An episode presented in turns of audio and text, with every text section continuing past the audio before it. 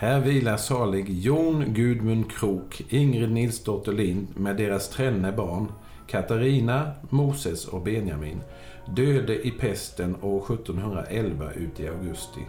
Tänk på Jesum Kristum som var uppstånden ifrån de döda. Timoteus 2.8.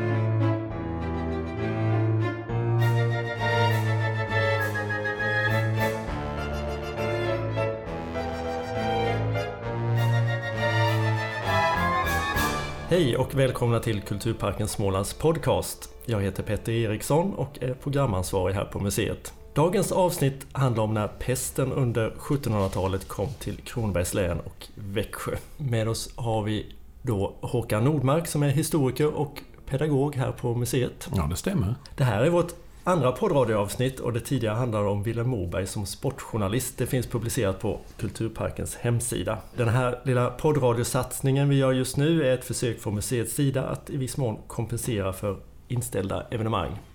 Jag vill dock påpeka att vi fortfarande har museet öppet och att det pågår en del föreläsningar och så. Så håll er uppdaterade på vår hemsida för att se vad som är på gång här på museet. Och jag träffar fortfarande en del skolklasser då och då. Ja. De som inte ställer in. Ja, ja vi är ju inte några radioproffs men mm. vi hoppas ju att innehållet ska vara intressant och givande ändå och vi gör så gott vi kan här med teknik och annat. Men du är återkommande gäst i radion ändå Håkan? Då och då har jag varit i Radio Kronoberg framförallt. Men jag har faktiskt talat i Riksradion också. Oh. När Värt att veta fanns denna gamla programserie. Men det är 25 år sedan nästan. Ja, den har jag nog eh, mm. missat. Alltså 25, 25 år sedan? Ja, ja, ja 20-25 år sedan. Ja. Vi, eh, vi kommer, den här sändningen kommer hålla på ungefär 15 minuter och den närmaste tiden tänker vi att vi producerar ett sånt här poddavsnitt i veckan och att vi lägger ut det på onsdagskvällar. Det är ju den mm. vanliga föreläsningstid vi har här på museet. Ja, det är 15 minuter från när jag börjar prata. Annars har vi tagit för mycket tid redan. Du ska få dem till godo Håkan. Ja, det är bra. Ja. Du gillar ju att laga mat också, har ett stort matintresse. Har du, har du lagat något gott på senaste tiden? Ja, lite udda. En affär här i stan rensade ut i sitt sortiment. De skulle väl inte ha lika brett. Och då fanns det tartletter för 10 kronor. 10 stycken mm. alltså. Och då gjorde jag en god champinjonstuvning som jag fyllde dem med. Oh. Och det har jag nog inte ätit på 20 år skulle jag säga. Ungefär samtidigt som jag var i radio då, för, i Riksradion. Så det var väldigt roligt att känna den smaken igen. Det, var, eh, det har jag inte heller ätit på väldigt eh, Nej. länge. Det känns som att Nej. det var den typen av recept som fanns i de där receptlådorna på 70-80-talet. 70-talet skulle jag säga. Ja. Och så fanns ju krustaderna då med det tunnare skalet. Men det här är de här lite mer tjockare som håller bättre. Då kanske jag var, på, var på krustaderna. Ja, krustaderna. Krustaderna. Mm. Mm. Ja. Vi skulle prata om när pesten under 70 tidigt 1700-tal kom till Kronobergs län och Växjö. Ja. Och om du börjar säga någonting om hur ser det ut här i länet då på tidigt 1700-tal och i, i Växjö om du gör någon lite ja. beskrivning? För det första ska vi då komma ihåg att hela Sverige stormakten Sverige. För vi är, det är ju slutet av stormaktstiden vi är här. Eller om den precis har försvunnit med Poltava. Poltava är 1709 och ibland ser man det är slutet på stormaktstiden. Men i varje fall, Sverige är i krig.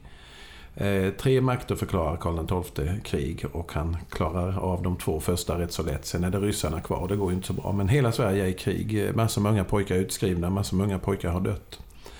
Och eh, 1709-10 ligger en stor del av svenska armén i vinterläger i Växjö och ännu fler samlas här då också för de ska ner och slåss mot danskarna som åter då har förklarat krig som först. Man tvingade till fred men nu är det krig igen. Och det blir det stora slaget vid Helsingborg våren 1710 som faktiskt då blir en vändpunkt, det första positiva efter Poltava. Men då ligger alltså så många som eh, 9-10 000 man vid ett tillfälle här. Och hade pesten kommit då, när vi har så många soldater här, då hade det kunnat gå riktigt, riktigt illa. För Växjö är ju en pyttestad. Eh, lite drygt 800 invånare. Eh, lite krigsfångar, några preussar, några ryssar, en och annan dansk. Och så en massa eh, skolelever. Så 800 plus en 450 med de här fångarna och eh, skoleleverna. Men de räknar man inte som stadens invånare. Men det är ju det enda gymnasiet i närheten som finns mm. i Växjö, skola och gymnasium. Det finns ett rätt så nyöppnat i Kalmar också. Sen är det Linköping och Lund. Så det är en märklig stad egentligen. Ganska få invånare, jättemycket soldater och jättemånga skolgossar. Och det är dit pesten kommer. Ja. Till hela länet förstås, men, men också till Växjö. Och stads... Eh, det är en liten stad och vad har vi stadsgränsen då ungefär? Ja, den är ju fysiskt liten också, inte bara invånare. Så det, det, ja, stadsgränsen går ju 50 meter öst om domkyrkan, alltså ungefär där Teleborgsvägen går idag. Och knappt det, sen är man ute på landet. Och eh, västerut så är staden slut ungefär där eh, Bäckgatan är idag. Alltså det som kallas Speakers Corner, Swedbank, Parfymeri Irfa. Ungefär där är, det, är stan ja. slut. Och den är inte så tjock på bredden. Det finns ingen, eh, vare sig södra eller norra järnvägsgata. För järnvägen kommer mycket senare. Utan den sydligaste gatan det är den vi kallar Sanjasgatan, som då heter Domkyrkogatan. Och den nordligaste gatan det är faktiskt Norrgatan. För den nya gatan norr därom, som heter Nygatan, de hade inte så mycket fantasi, den har heller inte kommit. Så en rätt så smal stad och ja, lång och lång. Alltså från Domkyrkan bort till Bäckgatan, det är inte ja. så långt. En, en, en liten stad med en stor omgivande landsbygd, får vi inte glömma bort. Och i den här staden finns det också tullbommar. Det är ju värt att komma ihåg, man betalar ju tull på den här tiden. Eh, alltså när eh, bönder kommer in till stan för att sälja någonting så betalar de en liten tull. Och är det riktigt hårt tryck då har man tullbommarna nere så man släpper in en i taget. Och det låter ju konstigt idag som tull men man ska tänka på det som våra dagars moms. Alltså det är ju pålagt lite när vi köper fläsk och korv idag. Eh, och det pålägget då på den tiden det är egentligen att man åker in till stan och säljer det. Och säljer en bonde kött falskt ute på landet så kan det bli böter. Utan du ska föra det till stan helt enkelt. Eller andra ställen som ja. staten kan beordra dem. Direkt ner till Karlskrona eller något sånt där. Längre, eh, ja, när flottan ligger där. Det kan man också få dem. Och tullarna vid den här tiden i Växjö då? Ja, då finns det ju tre och på vintern fyra tullbommar, tullstationer. En ligger vid ehm, ja, huset vi kallar Strykjärnet som egentligen heter Villa Central, alltså vid det nya domkyrkocentrum. Storgatans förlängning lite österut. En ligger på nuvarande Skolgatan, eh, hör, ungefär Skolgatan, Norrgatan och den hade namnet Norrtull. Och det har ju faktiskt levt kvar som namn och namn på en skola så småningom också då. Och den tredje ordinarie då, den ligger på Storgatans västliga del, ungefär vid Bäckgatan där jag nämnde tidigare. Och den kan vi då kalla, om vi vill, Västertull. Sen på vintern finns det en till i Kronobergsgatans förlängning norrut. Därför att eh, vintertid så var fortfarande vägarna över isarna väldigt, väldigt viktiga. Och då är det Kronobergsgatan som på den tiden gick rätt ut i Kronoberg. Och där har man då en tullbom på vinterhalvåret men inte mitt i sommaren. Så fyra tullbommar fanns det. Men ingen, ingen eh, ringmur eller något sånt här runt Växjö. Utan det har varit ett kraftigt staket. Och det hade ju de allra flesta städerna. Det är ytterst få som har liksom ett stenbålverk runt sig. Ja, ja. Det är en handfull städer som har det. Ja, vad är det då som, som händer här då runt 1700? Vad är vi? 1709? 1710? 1709-10 kan vi börja.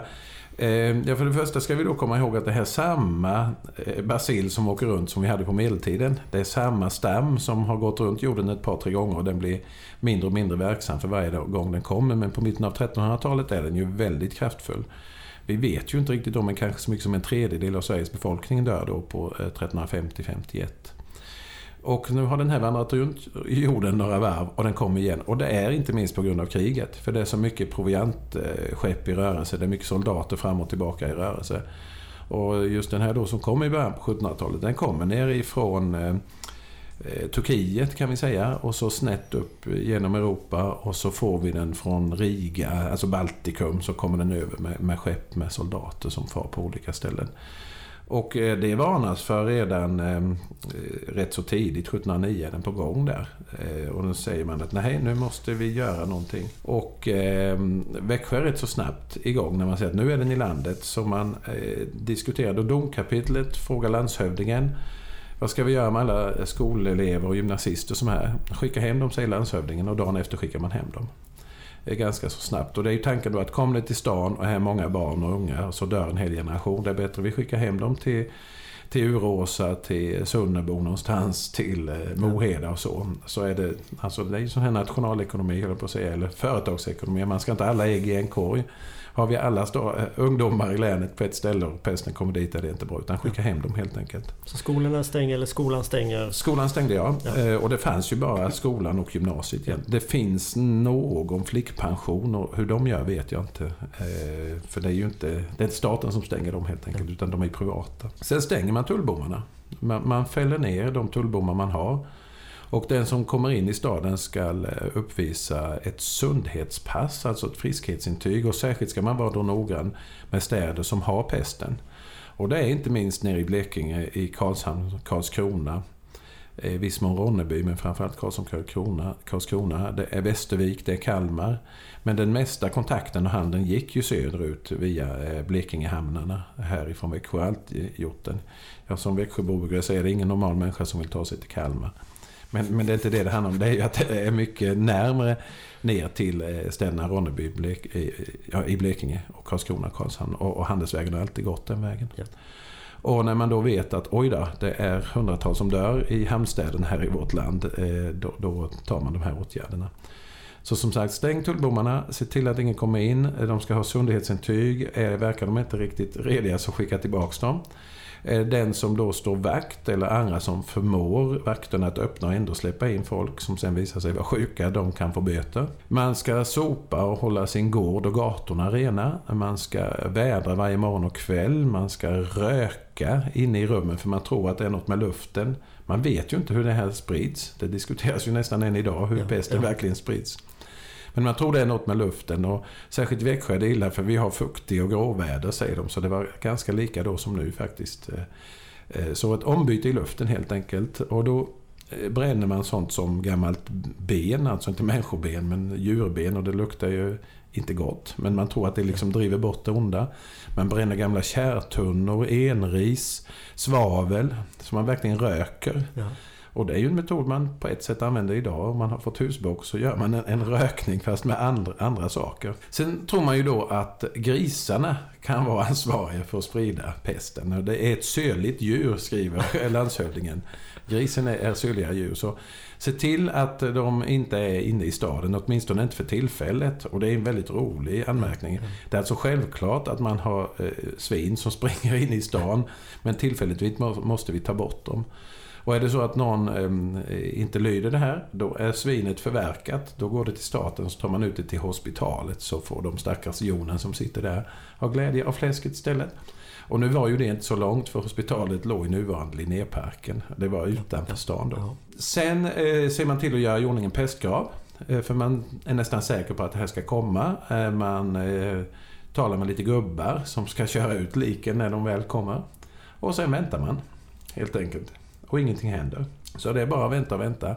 Och man hör från alla andra möjliga städer att det är riktigt, riktigt illa. Men det är ganska lugnt i Växjö. Så trots att man inte visste hur det här spreds så funkar ändå då landshövdingens de här restriktionerna. Ja, ja. Och det mesta restriktioner det är väl kanske tullbommarna då. Att om en människa verkar hänga i Östlöjådalen och har bölder på kroppen så släpp inte in honom eller henne. Eh, och att man har lite koll på var de kommer ifrån. Så ehm, ja, det är väl det, det som händer helt mm. enkelt. Och eh, vi har en provinsialläkare också som passar på att ge ut en liten skrift med ett väldigt fint namn. Jag ska läsa upp här nu vad den heter. Om ni får tag i den så köp den, för den är väldigt rolig. Det är alltså provinsialläkaren Johan Lindelius som 1710 ger ut boken Trogen undervisning för gemene allmogen och krigsfolket i Småland Hurledes de med minsta bekostnad må genom Guds nåd och välsignelse förvara sin hälsa i dessa påstående sjukliga tider. Och den har den fina underrubriken också. Författat av smålänningarnas gamle bekante vän och läkare år 1710 i december. Och det är Johan Lindelius. Och han hoppas naturligtvis göra pengar på det. Han tipsar om jättemånga bra saker. Det finns eh, pesttobak man kan snusa. Eh, eller pestsnus, men det finns pesttobak och röka också. finns köpa på apoteket. Det är en kompis till honom som förestår apoteket kan jag säga. Eh, man kan raspa lite hästhov, man kan göra sig en pestknuta som man ska ha hasselnöt och kvicksilver och all möjlig skit i. Och han menar då att detta hjälper. Och det är lite samma sak som man använde redan på 1300-talet. Så man, man kan inte bättre ännu på 1700-talet. Ibland så tror vi ju att oj, medicinen gör jättestora framsteg. Men det här är ju en människa, Lindelius, han är född andra halvan av 1600-talet. Eh, den stora uppsvinget för medicinen har ju inte riktigt kommit faktiskt. Den lille Linné är ju när pesten kom inte så gammal faktiskt. Och han hade kunnat stryka med. Då hade vi haft en helt annan historia när det gäller 1700-talet. Ja.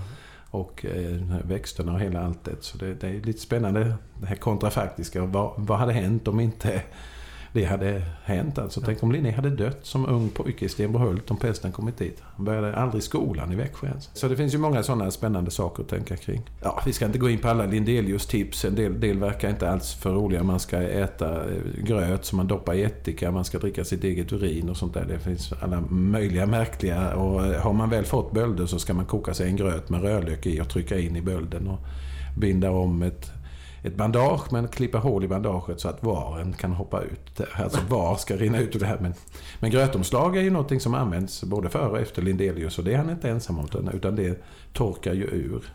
Jag tror till och med han nämnde senapsplåster men det är jag inte säker på. Så får ni tag i den här boken från 1710, köp den. Det är många bra tips i den.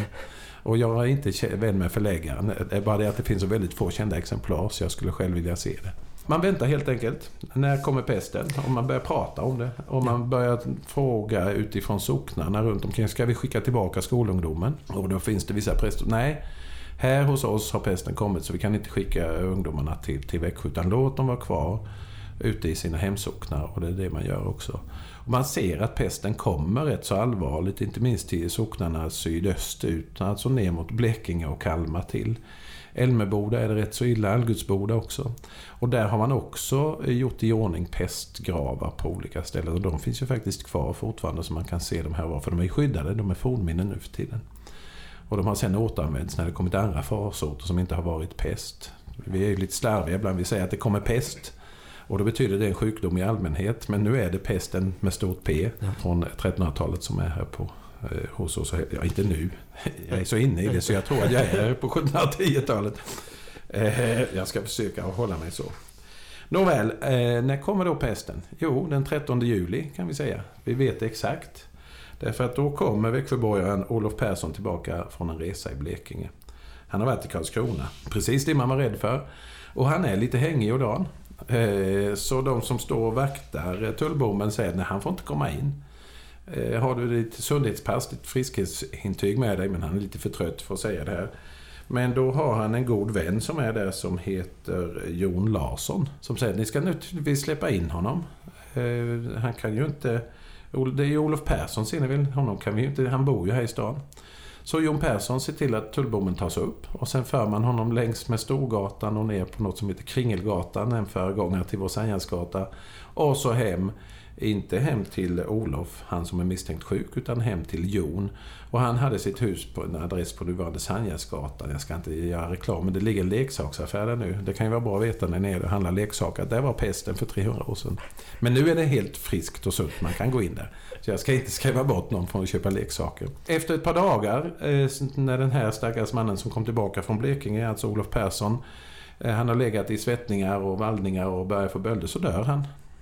Och då misstänker man, oj där, det kanske var pesten ändå. Och så är det någon som kommer ihåg, ja men landshövdingen sa ju att vi inte fick släppa in folk utan sundhetspass och den som gjorde det ska bli straffad. Så då kallar de på mannen som nu har ett lik i sitt hus och inte riktigt vet vad han ska göra av det för. Är det pesten så ska han i pestgraven. Är han död på vanligt sätt, ja då ska han i kyrkogården. Alltså som då på den här tiden ligger runt om kyrkan. Så det är lite osäkert. Så man kallar dit en eh, livmedikus från regementet, alltså en slags läkare kan vi säga. Han kunde i varje fall kapa ben och dra ut tänder. Och han säger, jo det kan vara pesten. För man, man vet ju inte, han har inte så mycket bölder men han har ju svettats mycket och så här. Men någon kommer ju ändå ihåg det här som jag sa att vi skulle ju inte släppa in folk. Och anmäler det till magistraten, alltså stadens domstol. Och då blev faktiskt den här mannen som släppte in dem, Jon, han blev dömd till eh, tre dagars fängelse och böter för han har släppt in en sjuk människa. Ja, och han blir ju naturligtvis förbannad för det här. Ja, men jag gjorde ju bara min gode vän en tjänst. Så borgmästaren får komma till Ja, eh, det här kan vara pest så du får själv se till att ta ut liket och du ska betala de här böterna. och Vi kommer sätta dig i tre dagar på vatten och bröd. Och då blir Jon så förbannad så han tar borgmästaren i kragen och river till och med sönder hans rock när de nästan slåss där. Säger jag är inte så skugga rädd. Alltså jag är inte rädd för sjukdomen. Och jag kommer inte till någon rättegång om det blir det. Så han går in och stänger sin dörr med sitt lik där inne och sin hustru och sin tjänsteflicka som heter Kerstin. Och det blir ingen rättegång för efter några dagar så dör Jon och hans hustru. Så nu har vi tre lik helt plötsligt. Och då är man säker, det är pesten. Och då agerar myndigheterna snabbt, alltså både domkapitlet men framförallt Länsstyrelsen. Man ser till att frakta ut de tre liken i den redan färdiggjorda pestgraven. Eh, människor får betalt för det här. Man stänger till dörren till Jons hus, ritar ett vitt kors på det. Eh, att det här är pesten. Men man är också smartare än så. Man säger nu är det här epidemisjukhus. Så ingen slipper ut ur huset. Så kvar där inne, kanske hade de här två barn, det vet vi inte. Men kvar där inne är då den här pigan Kerstin och hon blir direkt uppgraderad till epidemisjuksköterska. Det är en jättebra karriär. Från piga till epidemisjuksköterska. Och hon ska faktiskt få betalt för att hon sköter om de sjuka. För nu ska alla med symptom föras till det här huset. Och man tar in dem där och då ska Kerstin sköta om dem. Och hon får dessutom extra betalt för att hon eh, klär liken. Man räknar kallt med att det ska bli lik. Men, men detta stipuleras då. Sen är det så tråkigt att eh, sen vet vi inte så mycket mer. Därför att död och begravningsböckerna är borta för den här tiden. Eh, kanske hann man inte föra dem, men troligen är att de har brunnit eller försvunnit när man har eh, räddat sig undan bränder och sånt här. Så vi vet inte. Däremot så tror vi inte att så hemskt många dog i själva staden Växjö. Vi har säkra belägg för att det dog åtta personer. Och det är naturligtvis några fler. Men tittar man på Växjös befolkning före och efter, för det finns ju siffror före och efter, ja. så är det inte så stor skillnad. Så det kanske inte dör mer än ett 20-25-tal. Medan det i hela länet dör uppåt 3000. Och det bygger man då på de där det finns eh, bevarade kyrkböcker och sånt där. Så vi vet säkert det 3475 eller något sånt där. Men sen är det då inte bevarat för ett antal socknar så har man räknat ut att ja, men det har nog varit där också. Så uppåt en 3000 dör i vårt län. Men samtidigt ska vi då eh, komma ihåg att det dör tusentals bara i, Västervik, i Kalmar, i Karlskrona. Så vi är förhållandevis skonsamt drabbad. Och vi vet då att eh, det är mest i sydost alltså socknarna sydost om Växjö. Lite i Småland norrut mot Östgötagränsen har det varit. Men det verkar inte ha varit så mycket i Sunnebo, alltså Ljungby, Markaryd. Mm. Som ju ändå är den stora vägen in i Sverige från Helsingborg uppåt. Det är ju inte fint, den hette riksväg 1 tidigare. Ja. Det är ju den viktigaste vägen. Men där verkar inte ha varit så mycket. Vi kan inte förklara det varför. Lite, lite märkligt, men, men det som myndigheterna gjorde i Växjö verkar faktiskt ha funkat. Trots att de inte visste då hur pesten spreds. Men det här att sopa, hålla rent och vädra kanske var rätt så bra. Ja. Eh, det vi har hört eh, tidigare länge är ju att råttorna är skyldiga till det här med pesten. Nu börjar vissa eh, medicinhistoriker tveka på det där. Vi vet ju att det är en, en basil och vi vet att det är loppbett. Men man tror nu inte att lopporna har varit på råttorna innan de kommer till oss. Utan att det kan vara direkt spridning från loppa, människa mellan människa istället. Därför att de tittar då hur snabbt har spridningen skett. Och om det är så att den här basilen först eh, ska gå från en loppa som eh, biter en råtta och råttan vandrar iväg och så kommer en annan loppa och hoppar från råttan på människan. Så går det för lång tid. Ja, ja. Eh, så vi kanske får stryka de där stackars råttorna ur skolböckerna snart. Så blir de inte skyldiga längre. Sen är de ganska obehagliga ändå, men det är en annan sak. Men att det inte var grisarna, så mycket kan vi säga i varje fall. Men det är ju ganska spännande att se de här eh, bestämmelserna då ganska likt med det vi har idag, även om det inte är en pestepidemi vi har idag. Men också den här Lindelius då, hans märkliga trick med kvicksilver gömda i en valnöt i en pestknuta. Det är ju människor idag som på nätet säger att man ska bada i bikarbonat och äta apelsin och sen klarar man sig.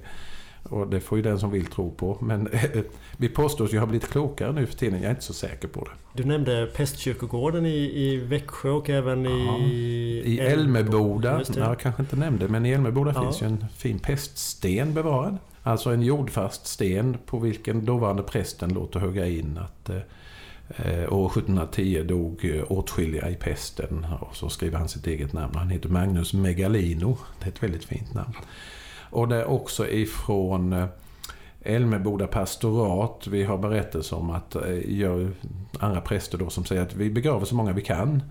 Men, men vi hinner inte skriva in i kyrkböckerna och det finns också då tecken, eller de vet att människor har tjuvbegravt sina döda släktingar. Därför att eh, vanliga befolkningen, allmogen, den råa allmogen som de ibland skriver, de litar inte på att saligheten är så bra i de där pestgravarna så de går in på natten och har tjuvbegravningar på kyrkogården. Och det kan man bli dömd till böter för, för man vill ju inte ha in, man tror ju med viss rätt kanske, att eh, kropparna kan smitta. Och det är därför man gör i ordning de här så kallade pestgravarna, eller epidemigravar skulle vi kanske kalla dem. Därför att man vet ju faktiskt inte hur det här fungerar. Eh, och det är just sydost då man har de här tjuvbegravningarna. Sådär, så, eh, lite spännande är det faktiskt. Tänk ett, ett följe som på natten eh, smyga in på kyrkogården, gräva upp själva och så ha en egen begravning utan präst och sen kasta igen det och tro att ingen ska märka det. Det är också rätt så bra. I Växjö, var låg eh, kyrkogården där? Ja, prästgraven görs ju då i ordning långt, långt utanför stan tycker man. Och den ligger alltså idag i centrala Växjö, nämligen på Tegnérgatan på Söder. Tegnérgatan 4 och där finns den kvar. Eh, inte alla gravarna men en av familjen som dog där, dottern i den familjen, hon överlevde tack vare att hon gifte sig strax innan pesten kom. Hon var 16 år och giftasvuxen. Hon har lagt en, en kalkstenshäll över sin, eh, sina föräldrar och sina tre syskon. Och den är bevarad. Sen har det funnits andra gravar där också. Och när man lät bygga ett hus i det kvarteret som numera heter kvarteret Vulkan eh, i slutet av 1800-talet så hittade man väldigt mycket människoben när man byggde det här huset. Och nu behöver det inte vara från pesten allihop för man har återanvänt den här pestgraven eller epidemigraven kanske vi ska kalla den vid en koleraepidemi i början av 1800-talet. Så det kan vara de stackars människorna de grävde upp. Men för några år sedan där den här är då, det är som ett, eh, vad ska man säga, ett inkärk. Det är ett hyreshus det nu, eller rättare sagt en bostadsrättsförening. Så var det alldeles bredvid eh, prästgraven, ska jag säga, en eh, sandlåda och det tyckte jag var så väldigt roligt. Man får ju hoppas att barnen inte gräver för djupt där, men de hade väl schaktat innan de byggde. Men jag, jag tycker det är sånt där är roligt. Det är kanske bara jag som tilltalas av sådana där makabra saker. Så det finns ju en hel del eh, konkreta påtagliga bevis. De här pestgravarna som finns runt om i, i socknarna. Eh, pestgraven i Växjö och inte minst Dr. Lindelius fantastiska bok. Ja, jag tror det är dags eh, att runda av. Jag sa att vi skulle hålla på i 15 minuter ja. ungefär. Vi har nått på det dubbla men... Nej, det tror jag inte Om man eh, vill läsa något mer om det här eller intressera sig något mer, finns det, vad finns det att Ja, det finns ju en del här och var. Man kan ju titta i eh, länshistoriken som kom ut över Kronobergs län, landet kring sjöarna. Det står lite nämnt, inte så mycket, men det finns vidare hänvisning. Det finns i årsboken kopplad till museet, till Tinkavalliusföreningens årsbok 1938, är väl kanske den bästa sammanställningen av hur många som dog i länet. Och där har man inventerat pestkyrkogården också. Och det är P.G. Weide, på sin tid en framstående skribent och kulturman här i stan. Folkskollärare, men han hade tid att göra annat också. Eh, så, så den är väl nästan den bästa. Så eh, Hylten Cavalliusföreningens årsbok 1938 om eh, pesten i länet heter den eller något sånt. Eller pesten i Kronobergs län, P.G. Weide. Den skulle jag rekommendera. Då tror jag vi sätter punkt där. Om du inte har något annat du också vill ta upp Håkan? Eller jag, kanske, jag kanske kan läsa vad som står på den begrav, bevarade gravstenen som är på Tegnérgatan 4 här i Växjö. Oh. Den här kalkstenshällen då som dottern lägger. Och en kalkstenshäll är ju inte billig. Vi har inte kalksten i närheten men hon, hennes föräldrar var handelsmän och hon eh, gifter sig med det som kommer bli den, den rikaste borgaren i Växjö så småningom och hon är också väldigt driftig. Jag ska ta fram vad det står på den här Gör det, så tar vi det, som, tar vi det som avslutning och sen så kommer det då ett nytt poddavsnitt från Kulturparken Småland nästa onsdag. Ja, här vilar salig Jon Gudmund Krok, Ingrid Nilsdotter Lind med deras tränne barn Katarina, Moses och Benjamin döde i pesten år 1711 ut i augusti. Tänk på Jesum Kristum som var uppstånden ifrån de döda. Timoteus 2.8. Av A. Krok. Och A. Krok är dottern Annika Krok. Hennes son Olof ska för övrigt längre fram ge namn till Olof Ström, men det är ju en helt annan podd. Så det får vi ta en annan gång. Tack så mycket för idag. Tack.